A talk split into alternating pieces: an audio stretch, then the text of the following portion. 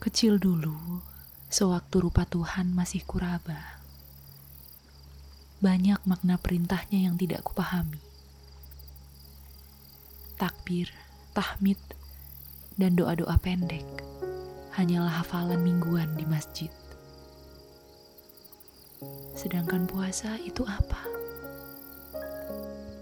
Sahur lalu buka, tahan lapar dan dahaga, jaga amarah, juga genapkan ibadah.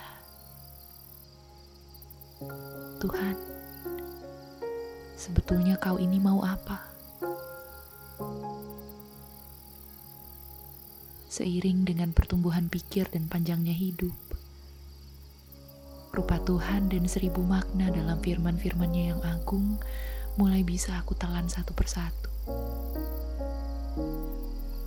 Perintahnya ketiga dari lima kalau tidak salah.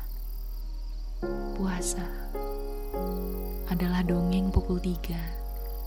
Dalam sepiring nasi diguyur sayur bening, ditemani dua biji tahu goreng buatan ibu.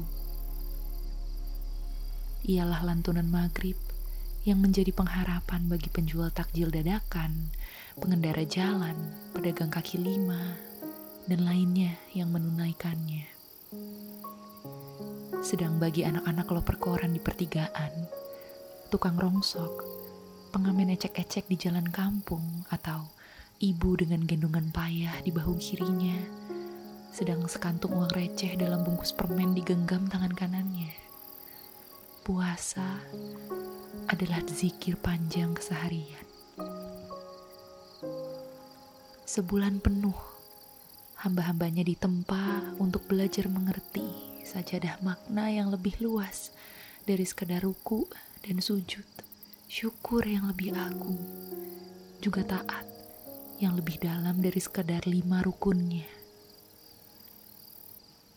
Dan lewat puasa, Tuhan titipkan cinta yang lebih runut dari butir-butir tasbih yang sudah lupa berapa kali kau pijit.